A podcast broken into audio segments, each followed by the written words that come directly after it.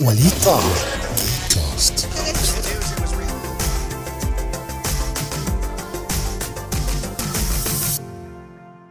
صباحكم فل مساكم أحلى. أنا ويلش والنهارده حلقة جديدة من بودكاست جيك كاست أنا عارف ان أنا اتاخرت عليكم كتير قوي شهور ما عملتش ولا حلقة بس اعتبروا دي يعني إيه بنبدأ مرحلة جديدة مع بعض. أو تقدر تقول آه، بصالحكم. اول ما قمت من النوم دلوقتي لأن دلوقتي بدري قوي آه، جت في دماغي فكرة كده أو كنت بفكر في حاجة وهي جملة ركز في حاجة واحدة وما تشتتش نفسك. طبعا كتير قوي من اللي بيسمعوا سمعوها. عارف؟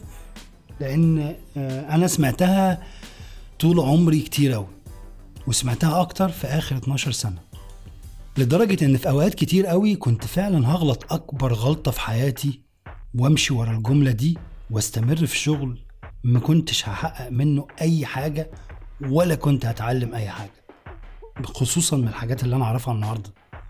فعايزك تعتبرني كده إيه جاي من المستقبل وبقول لك إن الجملة دي حقيقة يراد بيها باطل. طبعا أنت دلوقتي إيه أنت هتستهبل يعني يعني نعملها ولا ما نعملهاش ننفذها ولا لأ؟ هقول لك بطبيعتنا وإحنا صغيرين لغاية 25 سنة كده بنبقى في حالة all over the place.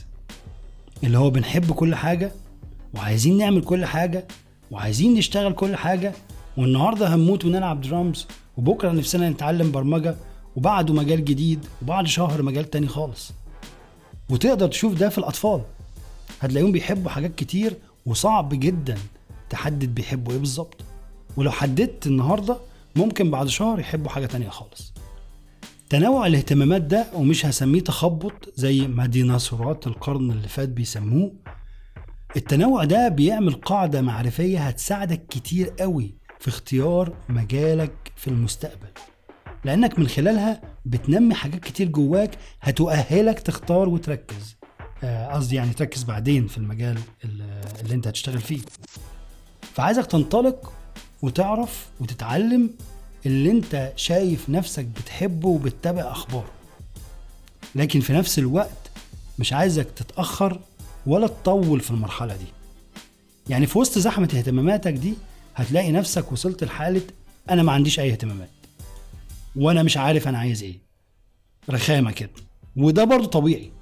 لازم تعرف إن اللي يناسبك أنت بتعمله وبتتابع أخباره ومهتم بيه أكتر من العشر مجالات التانيين اللي برضه بتحبهم وتتابع أخبارهم. اقعد كده مع نفسك اكتب ورقة تعرف إيه عن كل مجال فيهم. وأنهي مجال فيهم مطلوب في السوق أكتر. وأنهي واحد فيهم الدخل بتاعه أكتر. وبرضه أنهي واحد فيهم السوق هيعتمد عليه آه، في العشرين سنة الجايين مثلا. وقتها تبدأ تركز وتجهز نفسك لمشوار مليان تعلم وتعب واستمرارية عشان توصل وتثبت نفسك وتنجح. هتسأل طيب والمجالات التانية اللي أنا بحبها برضو؟ يعني أنا في مجالات تانية بحبها بس ركزت في واحد. أسيبهم؟ هقول لك لأ. شغلك حاجة وهواياتك حاجة تانية خالص. فخليهم sidekicks يعني على الجنب كده. استمر في ممارستهم في وقتك الفاضي وتعلم عنهم أكتر. لكن وقت الشغل يبقى شغل. وخلي بالك إن هواية النهاردة ممكن جدا تكون مصدر كويس آه، مصدر دخل كويس جدا في المستقبل. طيب أنا كبرت واتأخرت وبقالي سنين شغال شغل ما بحبوش وعايز النهاردة أعمل اللي أنا عايزه. شخصيا حياتي في العموم بدأت وأنا عندي 30 سنة من غير أي مهارات ولا حتى اللغة أكيد لو أنت متابعني على فيسبوك من شوية يعني من كام سنة هتعرف الحكاية دي. وغيرت مجال شغلي وأنا عندي 35 سنة. والنهاردة داخل على 44 ولسه بفكر في حاجات جديدة أعملها وأتعلمها. اللي عايز أقوله طول ما أنت عايش عندك وقت. والفترة اللي اشتغلت فيها حاجة ما بتحبهاش أكيد وضحت لك الرؤية أكتر وبقيت عارف كويس بتحب إيه. فالمفروض دلوقتي إنك تبدأ تتعلمها. ما تسيبش شغلك الحالي وما تهملوش وما تأثرش فيه. اتعلم وأنت بتشتغل وطور نفسك واشتغل فريلانسر. عايزك تدعك مظبوط في الشغلانة و- ويعني وتخطط كويس وشوف شغل في مكان يناسب المجال اللي اخترته قبل ما تفكر تسيب شغلك ال- القديم. يعني اللي هو تمسك في الشغل ده وتروح أول يوم وبعد كده تسيب الشغل الأولاني. أو أو أو امضي العقد وبعدين يبقى سيب شغلك الأولاني. من الآخر كده خليك زي القرد ما تسيبش فرع إلا وأنت ماسك في التاني.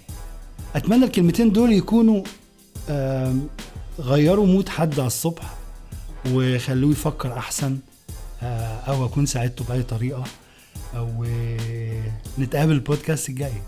Over and out